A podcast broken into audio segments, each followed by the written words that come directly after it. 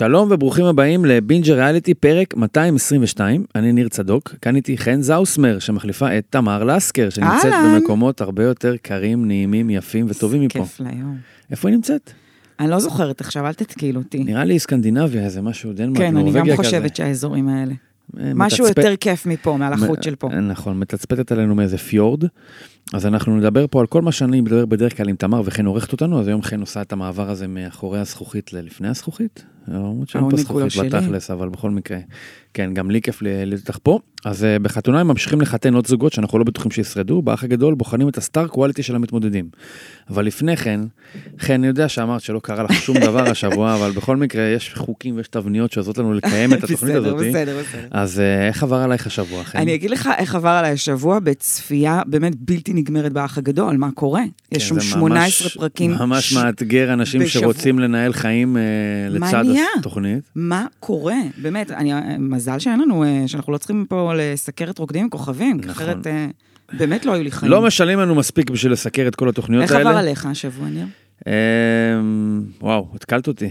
עבר עליי שבוע, היה שבוע, עבר עליי ברגיל, לא משהו מיוחד, ובאמת זה תרנגולת שמטילה ביצי זהב עבור רשת, אז היא אומרת לה, תטילי, תטילי, תטילי, תטילי ביום ראשון, רביעי, חמישי, שבת. טירוף. ממש, כן, ויש להם גם כמה תוכניות ספין-אוף כאלה של אה, להכיר את המתמודדים. נכון. זה, זה ממש... האח אה, הקטן, האח כן, ה... הם אה, חולבים את זה עד כמה שאפשר, אבל אנחנו נגיע לאח הגדול בהמשך. אנחנו נתחיל מחתונמי, ואולי עם הזוג אוהבת, שלדעתי. הכי... אה, באמת, איך אני אוהבת. כן, את אוהבת? וואי. אני יותר טיפוס של האח הגדול, אבל אני זורם גם עם חתונמי. אה, הזוג שאולי הכי, לא יודע, לפחות אותי, הכי הצליח לגעת, לסקרן, הכי מעניין עד עכשיו, כן. וזה רותם ורונן. אותי הז- לפחות. הזוג רונן. המוכר בתור זה שדומה לשרון טייכר. וואו, בטירוף. נכון? הוא דומה לכמה אנשים, הוא דומה לטייכר והוא דומה למייקל מהיי פייב. וואו. ו- כבר- וגם חשבתי על עוד בן אדם שאני לא זוכרת כרגע מי זה, הוא באמת דומה. ל- כן, הוא נראה, יש לו משהו גנרי כזה, שהוא דומה לאנשים. אולי גנרי, אבל הוא גם כן נראה טוב. אין ספק. נראה טוב. אנחנו לא נגיד שטייכר לא בחור יפה, אז אה, הוא דומה לטייכר והוא גם בו זמנית בחור יפה. הוא גם טיפוס מאוד, אה, מתוסבך זו מילה שטחית מדי, אבל... משמעית. זה אחד אה, הדברים הראשונים עמוק. ש... כן, זה אחד הדברים הראשונים שקולטים עליו, שיש שם איזשהו משהו ש... שבורי כזה טיפה. נכון. אמ, הוא אה, על ההתחלה אומר שהוא בעצם היה זה שנשלח מטעם המשפחה שלו ל... לצאת לאיזה אודיסאה של עשר שנים כזאת ברחבי העולם. הומר מבת ים, כן, ובאמת, זה כזה נשמע כאילו הם שלחו אותו קצת על קרחון כזה. נכון. ישר זה עושה כזה מין דוד, כאילו, מה... כן. מה זה, נסגר? ה- כל הקשר עם ההורים מקבל איזושהי משמעות או איזושהי תפנית מסוימת. ברגע שהוא מגיע, יש, יש את הטקס הזה בכל המשתתפים בחתונמי, שמגיעים לבשר למשפחות. נכון, והמשפחות לא ש- יודעות שום דבר, נכון, ממש, ממש מגיעים פתאום בהפתעה. מגיע איזה מצלמה, כן. צלם וצוות והכל, אבל זה באמת איזה מין קטע כזה שמעניין אותנו לראות האם המשפחות, איך הן מקבלות את זה שזה חתונה והן אמורות להתרגש בשביל הבן שלהם שסוף סוף מתחתן, נכון. אבל זה חתונה עם איזשהו טוויסט, והמאבק הזה באמת הוא תמיד יוצר אה, דברים מעניינים, ופה קיבלנו משהו לא שגרתי כל כך. רואים את, את אחיו, ומה שאני הבנתי כאשתו, זו- זוגתו, אומר, אני לא יכול, אני, אני כבר נוסע. ואז לה, להורים מתוכננת איזושהי נסיעה, לא ברור שם כל כך האם זה עסקים, אה, אה, חופשה, אולי אפילו משהו יותר מזה, אבל אה, יש שם איזשהו מאבק כזה שאומרים, אנחנו אולי לא נגיע, ואתה אינסטינקטיבית אומר, טוב, ברור שהם בסוף יגיעו. ואז אתה מבין שלא, ולמרות שכאילו, אתה יודע, אתם אמורים כזה להגיד, טוב, כל המדינה רואה אותי, אז אני אחרוג קצת מזה ואעשה מאמץ, ומה שזה לא כרוך, אני אוותר כדי להיות בחתונה, אבל לא, הם לא באים. נכון. לא, יש שם, יש שם רגע ש... אם יש לך חוש הומור ממש ממש אכזרי, אז אתה די מתפוצץ מצחוק ברגע הזה שבו? הוא מגיע מצד אחד וכזה מחבק אותם, וכזה, היי, ומה שלומכם, והנה, תפתחו, בבקשה, תפתחו, תראו מה, אבל מה זה, אבל מה זה, אבל תפתחו. ואז כזה מין, לא, אנחנו לא... ממש... אנחנו אה, לא, סליחה, מעורר- אנחנו לא יכולים לבוא, אבל אנחנו, זה נקבע מראש. אנחנו ממש רוצים, אחד מהקסמים של חתונה מזה, שבניגוד לתוכניות אחרות, אתה בגדול, אלא אם כן אתה ממש אדם ציני או מרושע, אתה רוצה שיהיה להם טוב. כן. ואני חושב שלרונן, עוד יותר מהמתמודד הרגיל, יש איזשהו משהו שמאוד מעורר אמפתיה, מכיוון שאתה מבין שהוא הולך להיות שם לבד ברגע הזה. אז אתה עוד יותר רוצה שיהיה לו טוב. אחר כך היה עוד, אה, אה, קרינג' לא נגמר שם, הם אמרו שהם יבדקו את זה, ואז היא בודקת את זה, ואם אני לא טועה, היא מדברת איתו בטלפון, אמרה, בדקנו את זה, ו... אנחנו לא. ממש ממש לא יכולים לא בסוף. יכולים להגיע. פשוט נורא. אז, אז רונן נמצא שם לבדו, אה, אבל לא לגמרי לבדו, מכיוון שיש שם גם את רותם. נכון, מה חשבת עליה? אה, קודם כל, אני לא יודע, להיות שטחי? לשם מה התכנסנו, ניר? נכון. אז אני חושב שרותם היא ה... עד כה מבין הארבע נשים, היפה בין הנשים, של- זה עניין של טעם. נכון, זה עניין הם, ה- טעם. הם היפים והנכונים בינתיים של התוכנית הזאתי. וואלה, אני חושב אוקיי. ששני הזוגות הראשונים היו קצת יותר uh, טיפוסים שהווייבים שמשדרים זה איזה מין בדידות מסוימת, איזשהו קושי מסוים בכלל במערכות יחסים. אנחנו שוב לא מכירים לעומק. Uh, ובזוג השלישי, שזה יואנה ותומר, היה איזשהו סוג של uh, דיסטנס uh, ראשוני מאוד גדול, או סוג של רגע, הם בכלל מתאימים, ופה Mhm. זה הרגיש כמו שניים שהם יותר המשתתפים הקלאסיים של העונות הראשונות של תוכניות זוגיות כאלה, שגם נראים טוב, פשוט משהו לא הסתדר, ואמורים להתחבר ביחד לעשות איזשהו, לייצר בזה זוג מצליח. מה את חשבת על רותם? אה, control freak מטורפת, וזה תמיד דבר שהוא מאוד מאוד קשוח, בעיקר בחתונמי. זה באמת, זה אחד המקומות שכשאת נכנסת עם את control freak, או אם אתה, הכי הכי שוברים אותך לרסיסים. אתה צריך באמת אין לך. באמת שליטה, אתה מקבל שליטה. אה, בן זוג שלא ראית קודם, אתה לא מחליט עליו שום דבר, ואתה אמור בכלל להסתדר בחיים, קשה כן. להיות control freak ולהסתדר עם עוד בן אדם. קשה במיוחד לעשות את זה מול מצלמות ובמשהו מאוד מאוד אינטנסיבי, כן. אה, פרק זמן קצר ודחוס. אבל בוא נדבר על השילוב ביניהם. מה, מה אתה קלטת ב vibe? קודם כל, אה, גם שיחקו על זה קשת בקדימונים לתוכנית הזאת, קלה לפרק הזה. מהאגדות או משהו, לא? קלה מה? מהאגדות, לא והציגו את רונן כאילו? נופל מהרגליים, וואו, איזה מדהימה, ואיך הוא מתאהב, וזה, תכלס, אני לא יודעת כמה זה היה ממש אותנטי ברגע הזה, אבל בהחלט זה הנרטיב שאנחנו מקבלים מהם בשני פרקים שנחשפנו אליהם, שרונן הוא ממש מאוהב, ולא לא, לא שוכח נכון, להסתיר את הוא זה. נכנס אה, להראות את באמת, זה? הוא נכנס באמת לקטגוריה הזאת בחתונמי של אנשים שהם מגיעים, ומבחינתם שידחו להם את חלום חייהם. אני רוצה לחבק בלי את כל ההפקה. הוא בלי. לתת לעובדות לבלבל אותם, נכון. או לאופי של הבן אדם לבלבל אותם. ואני מרגישה שזה ממש רונן. כאילו, הוא ראה אותה, ומאותו רגע הוא צלל, אתה ממש רואה את זה גם בעיניים שלו, הוא צלל לתוך נכון, איזה ממש, אה, עולם אגדות התאהב. כזה. ואצלה זה מייצ... את weirds are out, כאילו, זה עושה לה כזה, מה, מה קורה? ואני מרגישה שזה ילך כזה וקצת יתרחב um, ב, בהמשך.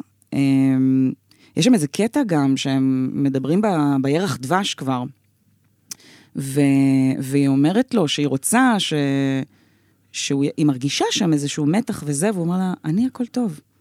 אני, אני, אני מרוצה. אני מרוצה. כן. עכשיו, איך אתה יכול להיות מרוצה אם אתה עוד לא מכיר אותה? נכון. אז זה יוצר איזה יש שם דבר גם כזה איזשהו של... גבול בין, לא טוב לא להראות אה, שאתה מרוצה, אבל גם לא טוב להראות שאתה מרוצה מדי. ובטח נראה לי את רותם, זה גם חוזר הרבה פעמים במה שהיא אומרת, זה או מביך אותה בלשונה, או אה, אה, מלחיץ אותה, של לראות עד כמה הוא רוצה, וגם במעמד הזה, שאחרי זה קפץ לו באמת קצת קדימה לירח דבש במרוקו, שהוא קורא לה את המכתב שכתבו הפסיכולוגים, וזה ממש, היא מתכווצת כן, בכיסא. מה לדעתך קרה שם? אה, אני חושב שזה עוד גילוי של over אה, אה, סיפוק של רונן, שקצת כזה מלחיץ אותה, כי אם הוא כל כך מסופק, זה כאילו באופן אה, אה, אינסטינקטיבי אמור לדחוף גם אותה להיות מסופקת, ולא נראה לי שהיא שם, בין אם אה, זה עניין של קצב, של מה שלוקח לה, ובין אם אולי עובדתית היא לא כל כך מרוצה כמו שהוא מרוצה, מה אתה צופה אבל להם? אני, אני לא חושב שזה יצליח. וואו, זה, זה פשוט, לא, לא רואה לזה שום סיכוי. שום סיכוי, וחבל כי באמת, לפחות הוא יותר, ממש מעורר אמפתיה, ואתה ממש רוצה שיהיה לו טוב, לפחות אני, כי אתה מרגיש שיש שם איזה מישהו ש... יש איזה סיפור, כי הוא גם יותר מבוגר מכל המתמודדים עד עכשיו, בן 38. נכון, וגם הוא וגם גבר... ה- האזהרה הזאת שנתן אחד החברים שלו בחתונה, אומנם בדרך של, של הומור, היא נראית זה, ברוך השם הוא יהרוס את זה. אז כנראה אה, וואלה, פספסתי את כן, זה. אז כנראה שיש איזשהו משהו שם אצלו, שמתקשה להעביר מערכות עצמי. יחסים לשלבים יותר רציניים וארוכים ומתקדמים. וגם יחסית לגבר, אה, גם הפסיכולוגים דיברו על זה שהוא אה, אדם מאוד מרצה. זה ניכר, מרצה את את המשפחה, ההורים, מרצה את מרצה. כן, נכון. שבכל המערכות היחסים שלו הוא נותן הרבה יותר ממה שהוא מקבל. אבל היא גם קצת מחבה, אני חייב להגיד, כי, והוא גם דיבר על זה, אפרופו המעמד הקראת המכתב, שבואי, קצת אה, play the part, אוקיי? גם אם את לא כרגע בדיוק זאתי שכאילו עושה עליה רושם, כל נכון. המשפטים הקלישאתיים והסכרינים האלה של, "אה, אתם כזה זוג, והילד... אני מבין למה זה מוריד לה, שאומרת, הילד של רונן, היא אומרת, אני רציתי גבר, לא רציתי אה, ילד, אבל יש שם משהו שהוא כאילו אמור לרגש אותך לפי כל המתכון הקלאסי של התוכניות האלה, אז בואי תזרמי עם הריגוש, תזייפי אפילו התרגשות, ולו נכון. בשביל להרים לו קצת, ואת זה היא התקשתה לעשות. היא התקשתה בגלל ששוב התחלנו עם זה שהיא קונטרול פריק, וגם הפסיכולוגים כזה, או, דוד, כאילו, אל תגידו את המילה ילד. נכון, לא, לא, הרסת, ברמת- נכון. בבקשה לא להכניס את לא על הדבר הזה. בחור בן לשיח. 38 השלב הזה. שהגיע לכאן, אז מה זה אומר? שהוא לא הסתדר עד עכשיו, אז זה ישר מדליק איזושהי נורה אדומה. אה, אנחנו נעבור ללא נורה אדומה, אלא מדורה אדומה, כן, וזה משה ונועם, אה, שאני חושב שזה אולי מכל הזוגות, נראה שיש שם את המשהו הכי רוחבי והכי עמוק, בעיות אה, שהן לא פרסונליות, אלא יותר אני כל קונספטואליות. כך מסכימה איתך, כן. בין, קודם כל, יש לנו פה את המתמודד הראשון של העונה, שהתחיל עם ה"אני לא נמשך". נכון. יש לנו את הלא נמשך הראשון של העונה, ding ding ding. יש לו בנועם ובפער הגילאים ביניהם את העיקרון להפיל עליו את הסיפור. אני חושב, שוב, דיברנו על זה גם עם תמר, שאם נועם הייתה יותר לטעמו, הוא פחות היה עושה עניין מהגיל. לצד זאת אני אומר שזה לגיטימי לחלוטין שהדבר הזה יעסיק אותו. נכון, ו- אז רגע, אז יש פה שני נושאים, בואו כן. נבדיל ביניהם. יש את הסיפור הזה של הפער גילאים, שאני עוד שנייה אכנס אליו, ויש את העניין הזה של הלא נמשך, שזה כן, זה כן לדעתי שני דברים שונים. אז הלא נמשך, בסדר, זה תמיד התמודדות בחתונמי, ובעיניי גם התמודדות מאוד מרתקת, בכל עונה מחדש.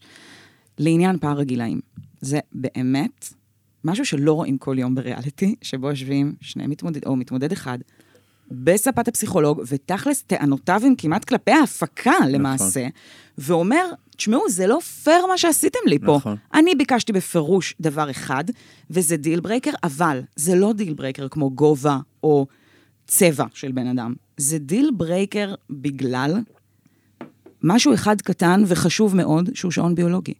ואי אפשר להתעלם מזה. גם זכותו, אגב, שיהיה לו deal breaker. פשוט deal breaker ים, כמו שתומר דיבר על זה, עם יוהן אמרה, הוא אומר, ביקשתי בהירה, כן, וביקשתי. שבת וכולי. פה זה כאילו, שזה deal breaker לגיטימי מבחינתו של משה, אבל אפשר כזה להפיל עליו בצורה לא הוגנת, כאילו, מה, אבל למה, זה פמיניזם ושוביניזם וכולי, שמשה לא בא לתקן את היחסים בין אה, גברים לנשים. הוא לא נכנס פה בכלל למקומה, לא יודע מה, מי, לא, לא יודע איך לקרוא לזה לא, אבל אפילו. כן, היא כן אמרה שהם רבו על העניין הזה, הם רבו על פמיניזם. כן, אבל זה לגיטימי לגמרי. פשוט אה, מבחינת יחסי ציבור, איך זה מצטער, זה כאילו, מה, באמת? בגלל שהיא מבוגרת יותר? נו, אז מה? והיא הכניסה לו, צא לי מהרחם. נכון. מי אמר שאני בכלל רוצה לעשות לך במיל- במילים שזה אחרות? גם נכון, מי- אבל כן? זה, זה- זה בסדר, אבל זה לא עניין. ש- זה לא אמור ל... אה, אה, מותר למשה שזה יפריע לו, גם אם זה...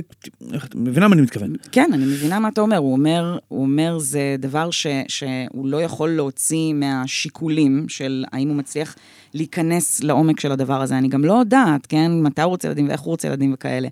אבל אני כן מסכימה איתך, שאם הוא היה מאוד בעניין שלה, אז הוא היה, הוא היה. מתמקד אולי כנראה בדברים אחרים, אולי בדברים אחרים היה יותר משקל כדי לספק אותו ולגרום לו להשכיח את הפרופורציות של העניין הזה. נכון. אבל אני לגמרי מבין את עניין השעון הביולוגי משני כיוונים. יכול להיות שהוא בכלל אומר באופן כללי, אולי הוא לא רוצה ילדים, בלי קשר, אבל נניח והוא כן רוצה ילדים, אז זה ברור שהיא 36, אתה מתחיל לעשות את המתמטיקה, אוקיי. אם זה יעבוד עכשיו בספיד מטורף, אז עד שמתחתנים, עד שזה, עד שזה, פתאום לוקח, אין לו עם נועם את הזמן שיכול היה להיות לו עם מישהי בת 30, זה בכלל לא משנה הגיל שלו, מה לעשות, לזה- הבדל בין גברים לנשים, אבל אם היא הייתה בת 32, היה לו יותר אורך נשימה, נכון. להתייחס לזה, מלכתחילה, בגלל זה הפריע לי הזיווג ביניהם, כי זה לדון מישהו בן 32, לחיות לפי שעון וקצב יחסים עם מישהי בת 36, וזה כן. גם, בואי, זה כן עדיין, זה עדיין שבירת מוסכמות, מה לעשות, אולי זה קלישה ככל שתהיה, לרוב הגבר, אם כבר מישהו יותר מבוגר, זה הגבר מהאישה. ופה שמתם איזושהי מכשלה על זוג שגם ככה, בגלל שהם לא מכירים, וגם ככה רוב הסיכויים נגדם, לפי שחורים להצלחות של הפורמט הזה עד עכשיו, לשים פה מכשלה שהיא מקשה את זה עוד יותר. כן. זה קצת לא הוגן, נכון. לטעמי. שתי מסקנות לדעתי פה אה, להפקה, תפסיקו אה, באמת להמציא את הגלגל ולהתחכם, אגב, הם עשו את זה גם עם... להתחכם אה, עם deal breaker כל כך דרמטי, הם גם עשו ושתיים, את זה עם רז ועם אה, עינב. כן, עשו אותו דבר, גם ארבע שנים ביניהם. תרגילים להם לא נראה שזה יותר מדי יכול להיות, בינתיים. אבל זה לעשות משניים מתוך ארבע זוגות עד עכשיו, שהאישה מבוגרת בארבע שנים מהגבר, יכול להיות שלשם העברת המסר הרחב יותר שהיה חשוב להפקה, שזה בסדר, אנחנו לא ניפול לקלישאות האלה שתמיד הגבר יותר מבוגר מהאישה, כן. קצת הקרבתם על המזבח הזה לפחות זוג אחד. בדיוק. אז אחד, תפסיקו להתחכם, ושתיים, נכון. תקשיבו לפודקאסט שלם שעשיתי בנושא הקפאת ביציות. נועם מומלץ גם לך. אז אה, נועם, אה, תקשיבי בכלל, ויואנה ותומר, שזה נראה כמו סיפור ההצלחה הגדול של, נכון. נכון. של העונה עד עכשיו, בטח נכון. בעמדת המוצא, שראינו את יואנה בחתונה, קצת כזה.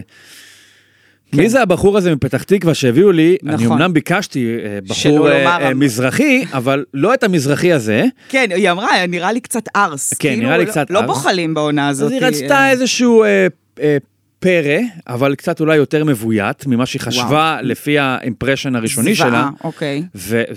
ושוב, אני לא נכנס להעדפות של זה, ובסדר, זה לגיטימי גם.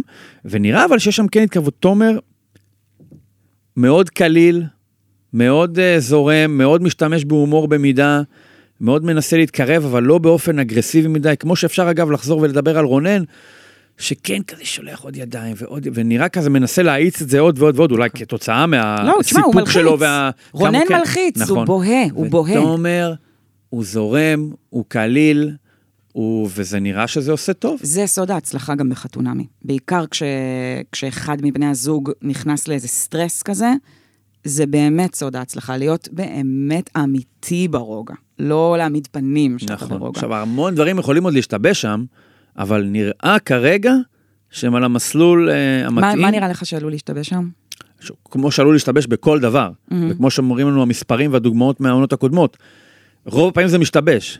אה, או שזה מתחיל בהתאהבות מהרגע הראשון, ואז יש רק לאן לרדת, או גם במקרה הזה שפתאום יש איזושהי עלייה, אבל אז עם, ה, עם הפשלה הראשונה או עם הקושי הראשון, פתאום לדעתי יכול להיות שיואנה תיזרק לרושם הראשוני שלה ותגיד, אה, אני צדקתי כל הזמן. זה בעצם, הבעיה היא שם. אז יכול להיות שזה יצליח, יכול להיות שלא, אבל נראה שזה יותר בעל סיכויי הצלחה, בוודאי. משה ונועם זה, אה, אמרו להם אולי תשארו עוד איזה, נשים אתכם על הספה עוד איזה שניים שלושה פרקים בשביל לתחזק את הדבר הזה. אה, אתה חושב שהם לא יחזיקו? זה לא יגיע לסוף. אה, אני איתך קצת. רותם ורונן זה, זה לדעתי, אני מקווה בשבילנו כצופים, שזה יחזיק עד הסוף, כי זאת תהיה רכבת הרים עם הרבה עליות וירידות, ראינו כבר בפרק השני, רונן לפחות בפרומים זה מוצג קצת שונה ממה שזה היה בפועל, שכאילו הוא הולך לבד שם ברחובות, כמו איזה, איזה, לא יודע מה, שיכור או משהו, שיכור מתנדנד כזה, כן. וברח לה זה לא היה ככה ממש. אה, אבל פה זה נראה שכאילו יאנה ותומר, זוג סולידי, שלא מתאהב ממבט ראשון, אבל כן לומד לגלות תוך כדי שכן יש שם משהו, זה ממש הזוג המושלם עבור ההפקה. כי הטיקט של חתונמי זה, אתם לא יודעים מה טוב לכם, אנחנו יודעים. אז תרפו רגע מהרצון הזה להתאהב ממבט ותגלו ראשון, את כל ה- ותגלו את, ה, את ההתאמות שהכנו לכם, העמוקות, כן. שאנחנו, הפסיכולוגים, ידענו כל הזמן שמתאים לכם, אבל אתם לא הייתם יכולים לגלות את זה אם הייתם נפגשים ברחוב, נכון. או בטינדר, אני יודע. רגע קומי קטן שהיה לנו, אה, לפני שהם יוצאים לירח הדבש שלהם, ההפקה אה, פרגנה להם ספציפית בגלל שההורים שלה אה, מבולגריה, נכון. ההורים שלה מבולגריה, אז הם פרגנו להם כזה מפגש עם ההורים לפני שהם חוזרים אה, לחו"ל. אה, יש איזה רגע. שנראה לי שהיא שואלת את אבא שלה, מה, שייתנו להם איזה טיפ מה הוא לעשות. שואל, הוא שואל. לעשות. הוא שואל, הוא עושה טעות בגלל שהאבא עונה משהו כמו... היא לא שואלת ואני לא משקר. כן. למה אני לא משקר לה? כי היא לא שואלת אותי. ואתה רואה... דוגמה מצוינת, ל- כן, אין באמת. ספק, אני בטוח שגם יואנה תשמח לפעול לפי ה- ה- המתכון הזה לזוגיות מוצלחת, שהיא כן. לא תשאל את תומר ותומר לא ישקר, אבל אני לא רוצה להישמע שטחי, אבל ברגע ש... והוא נראה חמוד האבא, אבל ברגע שרואים את, את, את, את הטיפוס, אז אתה יכול לתאר לעצמך שזה גבר ישן, וזה זוגיות ישנה, 38 שנה נישואים, מבולגריה, ששם נראה לי הזמן קצת אחורה יותר מפה בלי קשר. זה באמת נראה שהם התחתנו כנראה בשעוננו, 1950 שעון ישראל. זה קצב אחר של חיים, זה דינמיקות אחרות בין אה, נשים לגברים. ואני מקווה בשביל יונה ותומר שזוגיות שם תהיה יותר מודרנית, אבל בוא, אם זה יחזיק 38 שנים והם עדיין ביחד, אז אולי כנראה זה כן עובד באיזשהו מקום, אבל אולי אני אומר את זה בתור גבר, אני לא יודע. או, אתה יודע, עולם ישן, כי אתה יודע, מה שיש לי להגיד גם על ה, בכלל הקונספט הזה של, של, של חתונה ממוסדת וזה, אולי, אה, אתה יודע, אני פחות שם. אבל זה כבר, אתה יודע, אולי לשבוע הבא. אז אנחנו, עוד משהו שחשבנו בחתונמי? לא, אני אני אוהב כבר, את הקצב, אה, אבל שיש שם, כן. לא מציפים אותנו כמו האח הגדול, שאתה כאילו ממש צריך כושר אה, טלוויזיוני בשביל לעקוב אחרי כל הפרקים. חתונמי, במשורה, פתאום יש לך פרק ביום שני, נכון, פתאום הפסקת שבת. נכון. לא כזה ראשון, רביעי, חמישי, שבת, שאתה כאילו מרגיש שאתה כבר חי עם המתמודדים. קשת. אני אחר כך גדול, אני מרגיש שהם- שאם אני אכנס לאיזה חדר, פתאום אני אמצא שם את אה, שניר ו- וגיא. נכון. ופה אני עדיין מרגיש את ה... תשמע. רשת הם החתן האוגב, ורש... וקשת הם הכלה הקולית, הססנית. כן, הקולית. הקו- הקולית שלך. אז אה, באמת, אם דיברנו על... קשה אה, להשגה. אז אנחנו נעבור פה לדבר על אה, האח הגדול, כן, שבאמת, כמו שהבנתם, אה, הציפו אותנו בפרקים, יש לנו כאילו, הפכנו להיות צופים של ערוץ 26 בכפייה, גם בלי שרצינו, יוצא שבפועל ערוץ אה, 13 זה בעצם ערוץ 26. נכון. אה, אז היה לנו שם כמה דברים, היה 24 לנו את, אה, אנחנו נחלק את זה לנקודות, דברים שאנחנו ככה, אה, בלטו לנו מהפרקים, מסשן הפרקים הזה, אבל לפני זה, אני רוצה להכניס איזושהי אמירה כללית. אני חושב שזו עונה, אה, במובן, במובן המוסר, זו עונה נוראית. קשה. עונה נוראית, עזבי קשה, זו עונה וואו. שמעבירה מסרים איומים. עכשיו אני מבין, זה לא חידון התנ"ך, זה לא שם בשביל לחנך צופים לאזרחות טובה יותר, זה לא המקום שבו תלמדו את הילדים שלכם איך להתנהג. ועדיין, פתאום אתה, אתה מנסה לצאת מה, מהמקום הזה למבט רחב יותר, אתה אומר, בואנה, תשע וחצי בערב, רבע לעשר, ערוץ ברודקאסט מרכזי בישראל. בגדול, מה שהוא משדר זה חרם, קללות, ריבים. עכשיו, זה תמיד היה... בריונות. בריונות. עכשיו, תמיד היה הכוחות שמניעים את התוכנית הזאת, אבל זה נראה שזה מוקצן בשנים האחרונות. אנחנו יכולים לחזור למה שהיה בשנה שעברה, העונה המאוד מוצלחת של האח הגדול, והם הבינו שמה שעובד כנראה כרגע זה פחות מבוגרים, יותר בחורים צעירים, אה, על כל האינטריגות והכוחניות והמיניות שמתווספת לזה, והם לקחו את זה השנה עוד צעד אחד קדימה, וזה ילך ויקצין. עד שאנחנו נגיע לאיזושהי נקודת אל חזור, שזה כמו איזה מין סופרנובה כזה, זה פשוט יתפוצץ מתישהו. וכרגע אנחנו הולכים ומתקדמים לסופרנובה הזאת, כי העונה הזאת היא פשוט עונה, מצד אחד, אני לא אתחסד, זה מעניין, עובדה שאני רואה, אבל במבט רחב יותר, זה פשוט נורא, ואני אתמול ישבתי עם אשתי, ומה אנחנו בעצם רואים? אנחנו רואים אנשים, כל המטרה של התוכנית הזאת זה שאנשים יריבו, יקללו, כן. וכל ההפקה בנויה בצורה של לשסות אותם אחד בשני. זה העבודה שהם צריכים לעשות, אבל בואו גם נודה בזה שזה מוצר שהוא קשה לצפייה. לאד... לאדם המוסרי אפילו במידה. נכון, נכון. ודיברנו על חרם, בריונות והכל. עכשיו, יש שם דמויות באמת חד פעמיות מבחינת ההתאמה לפורמט. סתיו היא משהו שכאילו... לא, זה... אני... עכשיו. יש שם אנשים שאני יכול להגיד בלב שלם, זה אנשים רעים. הם אנשים רעים. אני מעבר- אשמח לשמוע. מעבר לאפשרות שאת יודעת, הפורמט מקצין, ואנחנו לא רואים את הכל, וגם התנאי תנאי מעבדה האלה של סגורים אחד עם השני, מוצאים מאנשים דברים מי, שלא מי אתה בהכרח... חושב שרע? או רעה? ו- וסליחה, אני מקווה שלא לא, לא יעלבו, לא... לא זה... אבל הם כן. לכאורה רעים. אוקיי? כן. אני חושב שגל היא טיפוס, מעניין, אוקיי. טיפוס נוראי. אני חושבת שיש לה אגו עצום, והיא חולת שליטה. לכולם יש אדם- אגו, כאלה או אחר, זה לא נכון. רק אגו. לא, למשל ראינו את זה עם אגו- משימת... לה יש אגו כי הבחורה, גם כשהיא קצת, אה, אתה יודע, יוצא לה טיפה מוגזם, היא לא נסוגה והיא לא מתנצלת אני גם. אתמול אתה ראי- רואה שזה בן אדם שלא מתנצל. אני אתמול ראיתי למשל את המשימה שלה אה, לחלק, אה, כאילו אפשרות לבחור תמונות בעלות מהתקציב, וצריכים להחליט למי יקבל תמונה, שזה עוד דוגמה שההפקה, כמה היא בעצם עושה פה ג'ונגל מהאנשים האלה. זה הדבר הכי יקר למתמודדים, לקבל תמונה מהבית, ומאלצים אנשים אחרים לבחור מי יקבל ומי לא יקבל. והיה איזשהו מצב שהראו איזו אפשרות שגל תקבל תמונה של הילדים שלה, או משהו אחר, אני כבר לא, או סתיו. וגל שם התייפחה, אני לא, כמובן זה הגיוני לגמרי, והיא קיבלה את התמונה שלה. ואחרי זה הייתה איזושהי אפשרות לבחור האם אה, לין תקבל תמונה של המשפחה, כולל היל, התינוקת שלה, או אה, שלבטל את אחד האיסורי ביקור משפחות שהוטלו בהתחלה כן, עם ינקי, העונה, כן. וגל, עכשיו אני, הדבר היחיד שהייתי יכול לבקש מגל פה, של, שיהיה לך את הבושה לא לדבר. את קיבלת תמונה של הילדים שלך, Mm. ופה היא אומרת להם להחליט לביטול של המשפחות. מאיפה החוצפה? כן, היא חייבת להתערב, היא פשוט ולין חייבת. שמה פשוט נקרעת, מתייפחת, יורדת, אני לא, מבין לגמרי, חלק מהמוגזמות, כולה של כל השפורמט, אבל אנושי מאוד. המ- הייתי מצפה ממנה, הייתי מצפה לה לדחוף, תני לה את התמונה, כי את אימא בעצמך וקיבלת תמונה, ואם לא זה, לפחות להיות בשקט. אבל כן. לא, היא אומרת, לא, תבטלו את אחד מייסורי המשפחות. היא הבוסית, היא כאילו מבחינתה כזה הבלבוסטה של הבית. זה פשוט וכאילו- נורא. ושאף אחד לא בכלל כאילו י- ינסה לאתגר אותה. מי שרק מנסה לאתגר אותה, ממש. נכנס ל... אני, ו- אני על סתיו, למשל... והחשיבות העצמית כן. המטורפת. אני על סתיו נותן לה איזושהי, שוב, אני אגיד את זה בזהירות ולכאורה, נותן לה איזושהי הנחה להתנהגות שלה, כי יש שם משהו לא אפוי, אוקיי? זאת אומרת, אם זה היה בית משפט אמיתי, יכול להיות שאיזושהי חזקת חפות שאתה עומד לזה, לכאורה, היעדר שפיות, אוקיי?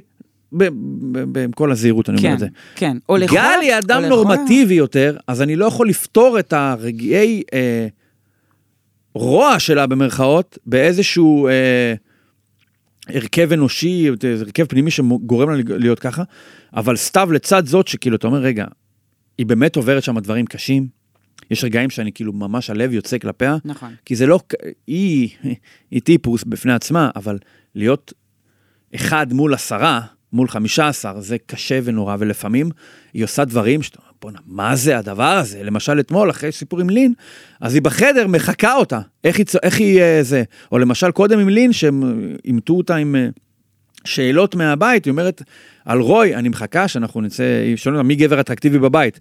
היא אומרת, אין פה אף אחד, היה אחד, הוא יצא, אני מחכה שאני לא חושב, ומיד אחרי זה מכניסים לה את הציטוט של רוי, שאומר, אני מבחינתי רווק. כן. וסתיו, התגובה שלה זה צחוק. כן, כזה, הא זה מה גם זה? צחוק כזה, אחי שלי. צחוק של נלסון מהסימפסון. כן, בדיוק. מה זה הדבר הזה? איך אפשר להיות כל כך אבל רע? זה הדבר שכל כך מדהים בסתיו, שמצד אחד היא באמת, באמת ילדה. היא, היא ממש... וראינו את זה עם השברון הלב על זה שהיא הפסידה ל... כן. ל... אני הכוכבת. איך זה קורה עם הילדים מה שלה? קורה? גם כשהיא משחקת עם הילדים ומפסידה היא צועקת זה ככה? אחת השאלות שאני תמיד שואלת את עצמי, מה... איך מה- זה ביום-יום? כן, לא, איך היא אימא? נכון. היא באמת אחד האנשים הכי ילדים שאני ראיתי אי פעם על המסך. נכון. האישה גם בת שלושי, היא שיקרה לגבי הגיל שלה, 33. כן. אישה בת 33. מצד אחד ילדה, ומצד שני אה, איזושהי באמת אה, יכולת, אתה יודע, ל... לסכסך ולבחוש, ובעיקר להטריל. יש לה יכולת מדהימה ללחוץ על נקודות ולהעלות את סף הדרמה ברמות שלא זה- לא נראו. החיבור שלה עם אברהם הוא ממש הפאוור קאפל של ההטרלות. כן, וראינו לגמרי. את, ראינו אתמול בפרק, שאלון, שהוא, אלון הוא, יש איתו את הבעיות שלו, אני, בעיניי זו התנהגות ממש, מלהביט על זה מהצד. אדם שנכרך אחרי מישהו חזק והופך ממש להיות הצל שלו, יש בזה משהו מאוד פתטי.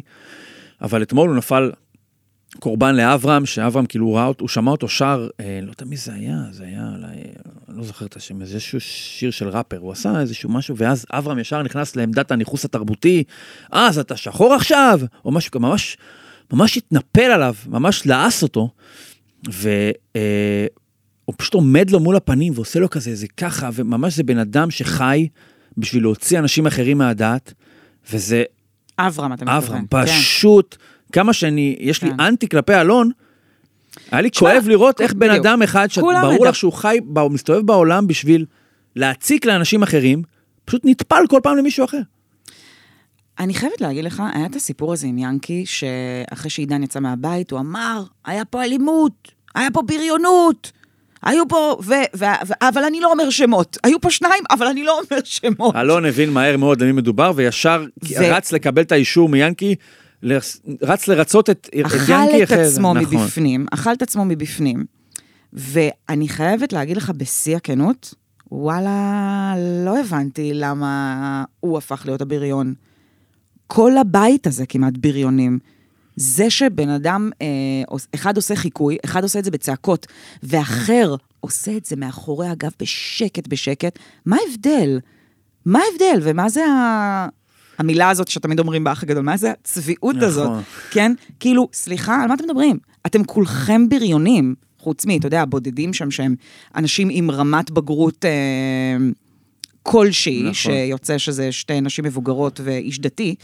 אמ, באמת, שאגב, לדתיות של ינקי יש פה חלק, אה, אגב, ראיתי אחרי זה, הוא, הוא, הוא אתה יודע הוא מה, ביקש, הוא אמר גם להם, את, זה, גם את זה אני לא כזה אוהבת. די, לא בגלל, הוא לא מוסרי בגלל שהוא דתי. אני- זה מה שהטלוויזיה כל כך אוהבת ליצור.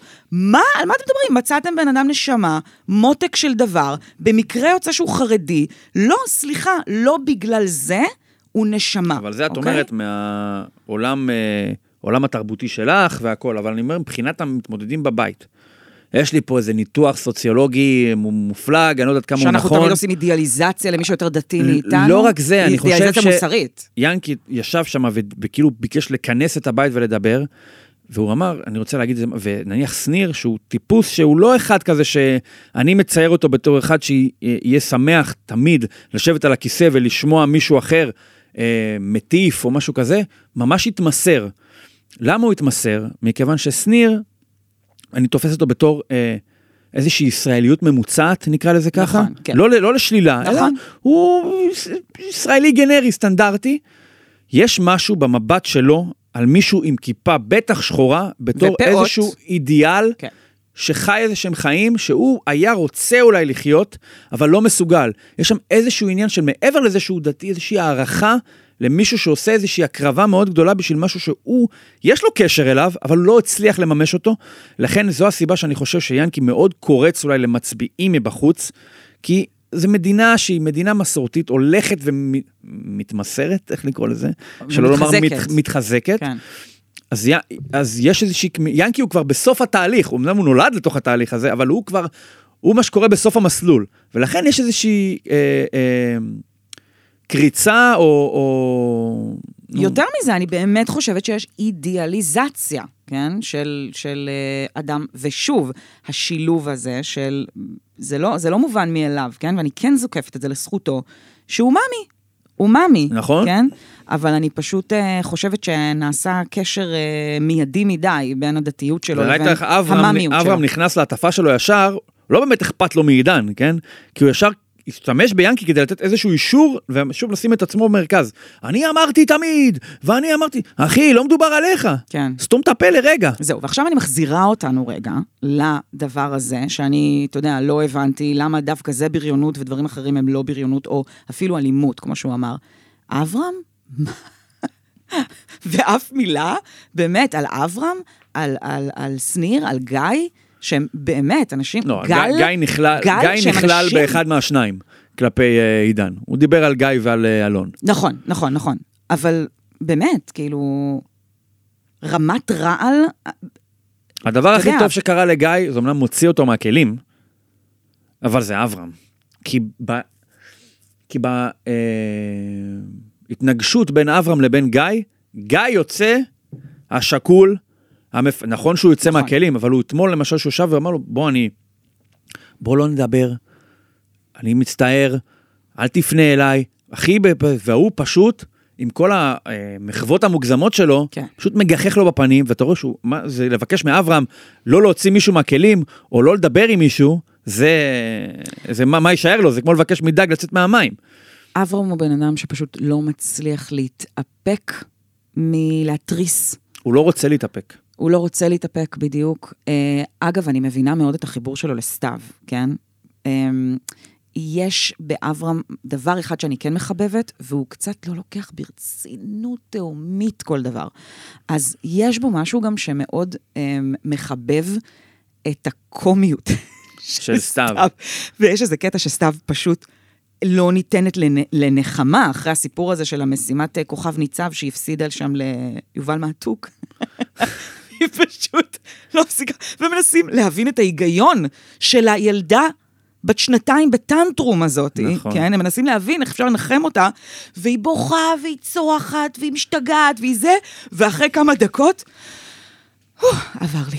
אבל סתיו, אחד... ואברהם פשוט מתפוצץ מצחוק, והאמת, גם אני התפוצצתי מצחוק בבית, כי היא קורעת. נכון. סתיו אבל היא גם פרוז'קטור שמאיר למשל על חוסר האנושיות אפילו של גל, כי ראינו את שי למשל, שהיא... לא, בוא נגיד, לא במחנה סתיו, אבל היא לא ראתה במחנה שיש סתיו שם... וגם לא במחנה האנשים המתונים והשקולים. נכון, והיא ראתה את סתיו, שכרגע עובדתית, כן, רע לה וכואב לה, והיא הלכה וניסתה לנחם אותה, ניסתה וניסתה ניסתה להבין. נכון. וגל, מבחינתה, אם היא אוהבת, כן. שתישרף, שתעלה בלהבות, פנאטית, לא היא מעניין אותי, פנאטית. אני לא אשפוך עליה מים, טה-טה-טה, ואם כן, אז זה צבוע, כמו שאמרת. כן. ואחרי זה ראינו למשל, זה אגב, זה אגב מתקשר לעניין של החרם. שגם קראתי נראה לי אצל סוויסה או משהו שהיו מלא תלונות לרשות השנייה. לא, זה, זה חרם. שמעודדים חרם.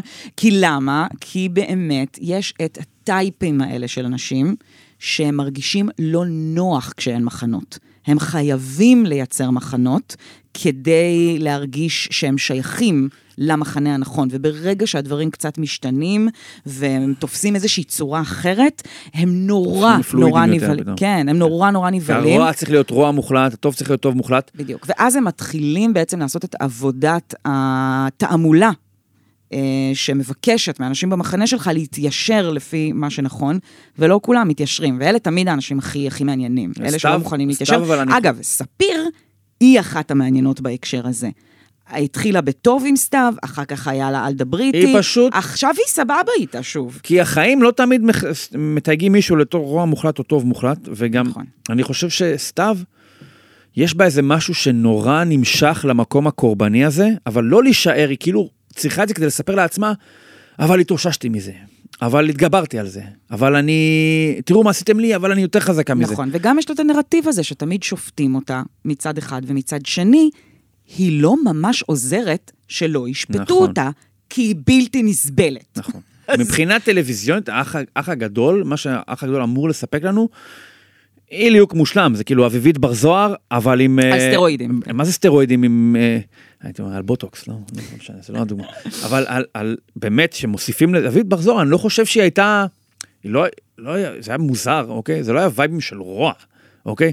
פה לקחת את אביבית בר זוהר והוספת לה רוע, ויש שם משהו כל כך מוקצן, אבל לא רק חיצוני, אלא גם ממש מבחינת האופי, יש שם משהו, זה ליהוק מושלם. אני חושבת שסתיו לוקה בסינדרום הילד המוחרם. זאת אומרת, אה, לא רוצה להאשים פה את הקורבן, כן? אבל יש גרעין... היא לא רק קורבן, זה בדיוק הסיפור. נכון, בדיוק. לפעמים כשאתם רואים אותה, אתה, אתה אומר, אני מבין למה כועסים עליה, כן. ולפעמים, וואי, לא- למה עושים לה את זה? יש שם איזשהו משהו שמעורר אצלנו את הרצון להזדהות עם קורבן של חרם, החרם. וגם את העניין של לנסות להיכנס לנעליהם של המחרימים, אולי אומנם לא כמחרים, אבל אתה מבין למה הדבר הזה הוא פשוט, אי אפשר להישאר אדיש לזה. נכון, אבל הסינדרום הוא כזה, שבו אתה מצד אחד אה, הופך לאגרסור ולאדם שמאוד קשה לסובבים אה, לקבל אותו, וגורם לסובבים לאנטגוניזם מטורף, ומצד שני, אתה אה, מושך אליך כל כך הרבה אש, שזה מהצד, כן? לאנשים שצופים מהצד, זה מזעזע. נכון. ואף אחד לא רוצה להיות במצב שהוא עושה חרם, אקטיבית. כמו שאף אחד לא רוצה להיות במצב שהוא מוחרם. אבל זה בדיוק הסינדרום האכזרי הזה, שהיא לא יכולה לצאת מהלופ, שמצד אחד היא מטרילה, היא אכזרית, היא מלגלגת, והיא אומרת את הדברים הכי לא נכונים בזמנים הלא נכונים, ומצד שני, מה שהיא חוטפת על הראש שלה בגלל מי שהיא ומה שהיא, הוא באמת אה, פי מאה. נכון. אה, נשאר לנו עוד משהו באח הגדול? אני רוצה לדבר על ספיר. דברי. אמ, ספיר ואברהם. יחסים שמרתיחים אותי. מרתיחים אותך. אני מאוד מחבבת את ספיר. גם אני. אישה פשוט, ש... אגב, לדעתי, פייבוריטית. כאילו, מה שנקרא, רואה אותה, רואה אותה כ... כן. כמגיעה לגמר. נכון, בהחלט. היא אדם מצד אחד שקול, מאוד, אה, מאוד נעים לבריות, יש בה כזה את התיקון הזה שהיא עשתה איזשהו על עוגן ההתחלה. במקום שכל כך... אה, כן, היא גם כאילו זאת שעשתה את התיקון מוקדם. כן, אמרנו, אה, נכון, אני חושבת שאמרנו בפרק הקודם, אתה אמרת שכאילו אולי זה בא בעוכריהם של האחים, שהם השלימו כל כך מהר. כן, הפיוס לדעתי- הזניק אותה למקום אחר לגמרי. בדיוק, נכון. בדיוק. העיר בה פינות אחרות, ולא רק זאתי שלא מדברת עם אחיה. נכון. היא גם עושה המון בתוך הבית, והיא גם אה, חברתית, פשוט, אה, אתה יודע, אדם שנראה די מקסים בסך הכל. אה, חמודה, היא מצחיקה, והחיבור שלה עם אברהם, שניר אמר לה, יש לך יותר מדי לב את לא משתמשת מספיק במוח שלך, והוא יבגוד בך. והוא מתכוון, ואני חושבת שזה משהו שגם ספיר לא מבינה, כן? הוא מתכוון ב- ברמה אנושית, לא בן זוג עכשיו, ולא רק אה, חברים וידידים וזה. ברמה האנושית, הוא אומר לה, יש פה, היא אומרת, אברהם חבר שלי. אבל אתה לא מכיר אותו, אבל אתם לא מבינים אותו, הוא חבר שלי, אליי הוא כן מתייחס כחבר. ומה שהיא מפספסת, וזה אולי הדבר היחיד שאני מסכימה איתו עם שניר, זה שמה שהיא מפספסת, זה שהבן אדם הזה הוא בן אדם רעל. זה בן אדם שלא מתייחס, כשבן אדם לא מתייחס בכבוד, ו, אמ, ומזלזל ובריוני כלפי אנשים אחרים, אתה לא יכול לעצום את העיניים ולהגיד, לא, אבל אליי הוא כן אולי חבר. זה לא, לא יזלוג, לא כן. יטפטף משהו. כן, ואני מרגישה גם שהקשר שלה איתו, מה שמטריד ומפריע לי בו, הוא שהיא קצת תופסת איזה דמות של גננת בתוך הסיטואציה שיקומי הזאת. קצת. כן, והיא תופסת אותו קצת לא כאדם בוגר. ואני אוסיף ואגיד שאני חושדת שחלק מהדבר הזה קשור גם לעובדה שהוא נמשך אליה. זה משהו שגורם לה לרצות גם להישאר בתוך הסיטואציה הזאת.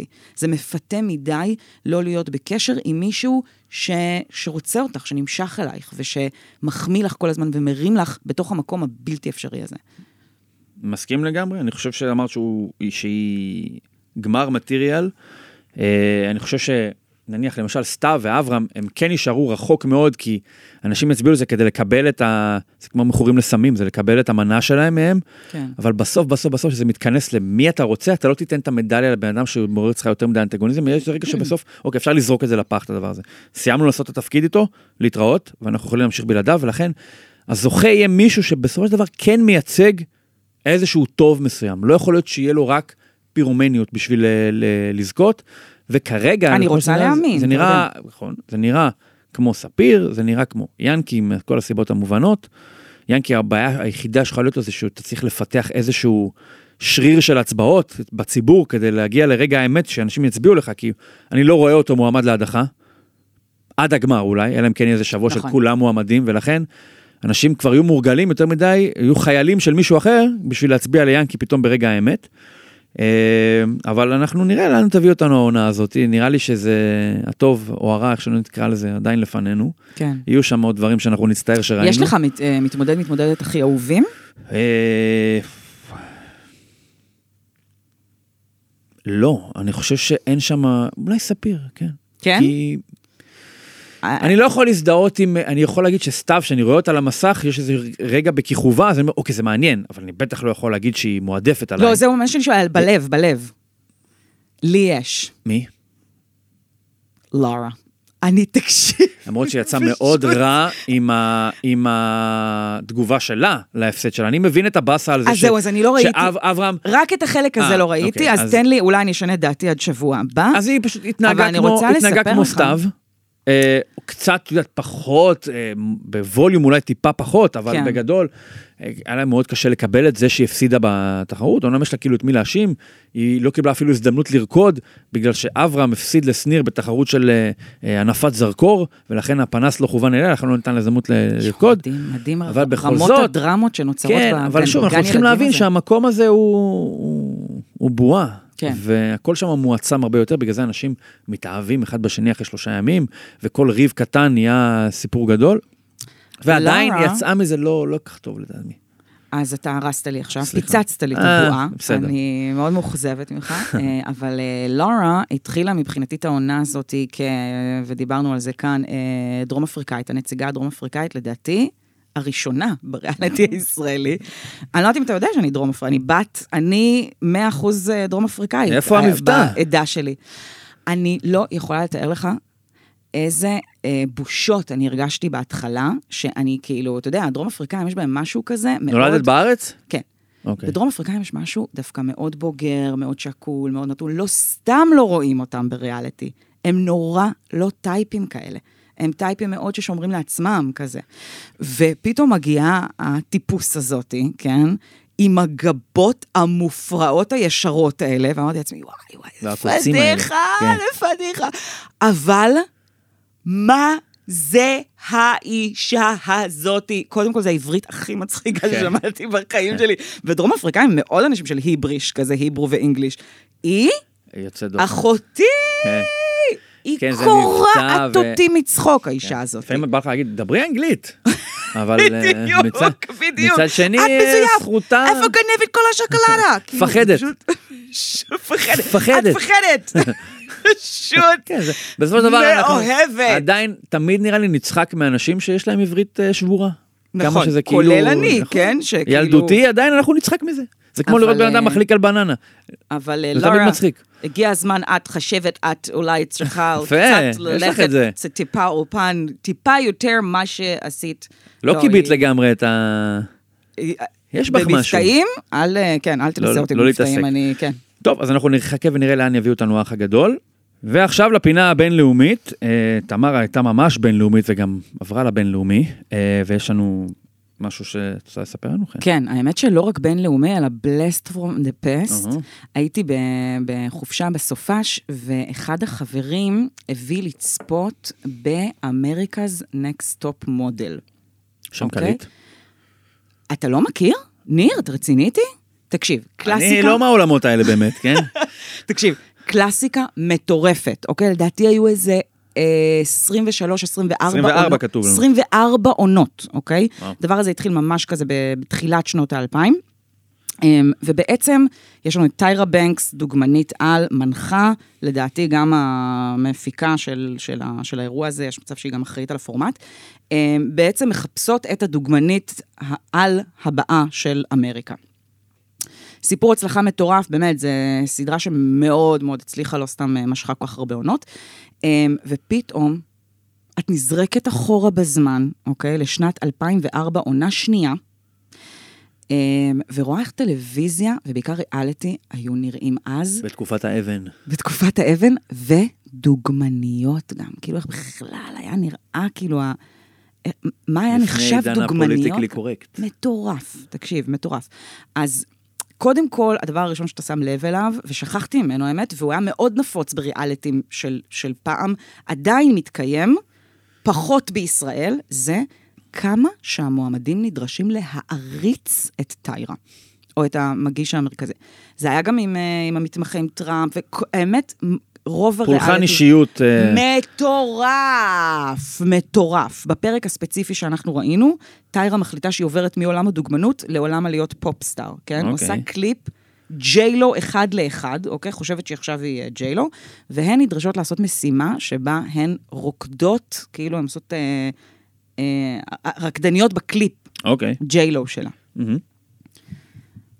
סליחה, באנו לדגמן, כאילו, מה, אף אחת לא אומרת... היא צריכה גם להביא שלום עולמי, לא, היא צריכה עוד לדעת לעשות דברים. ממש, ישר מתיישרות לדבר הזה שהן צריכות, וכולן, באמת, אני אומרת לך, אחת-אחת. לא טובות.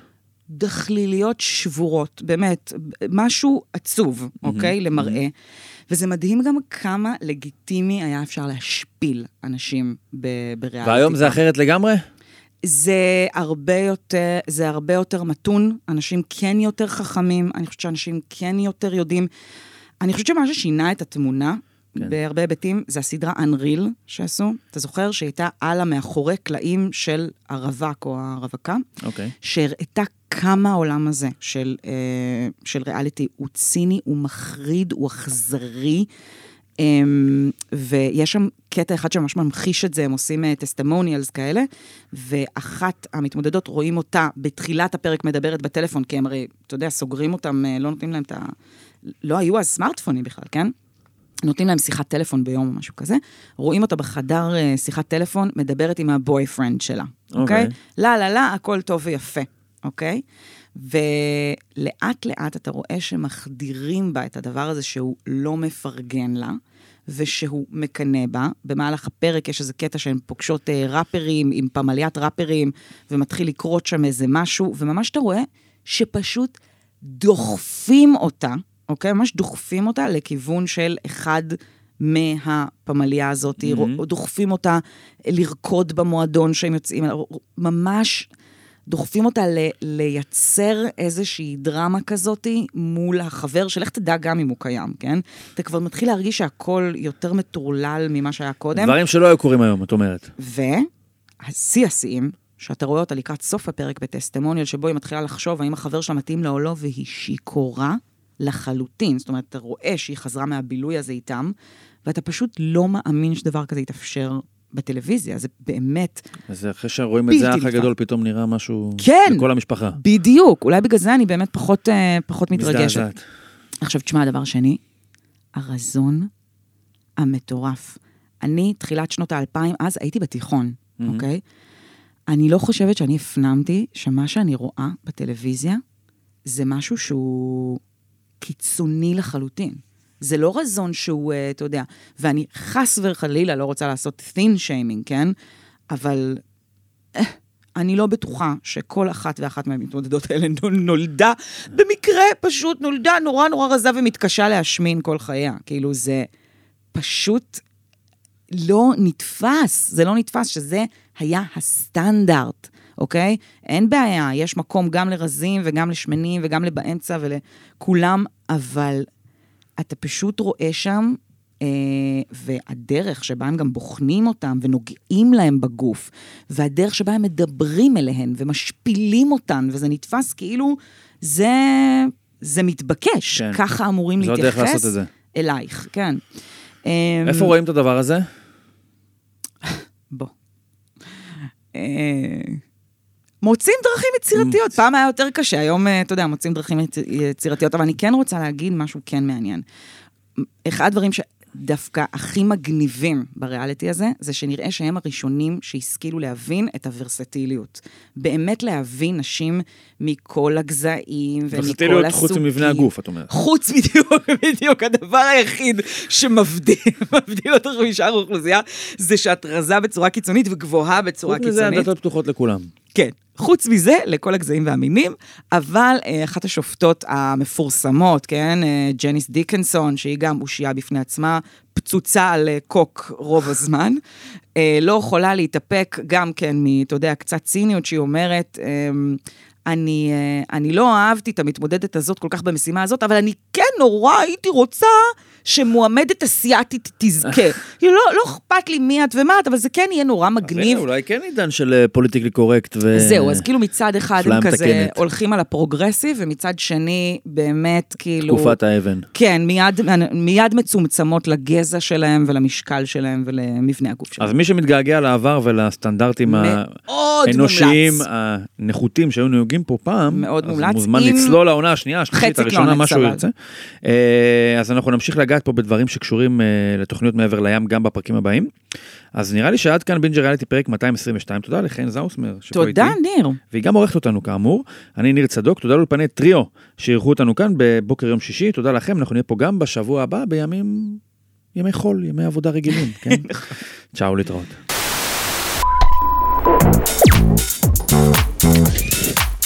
Thank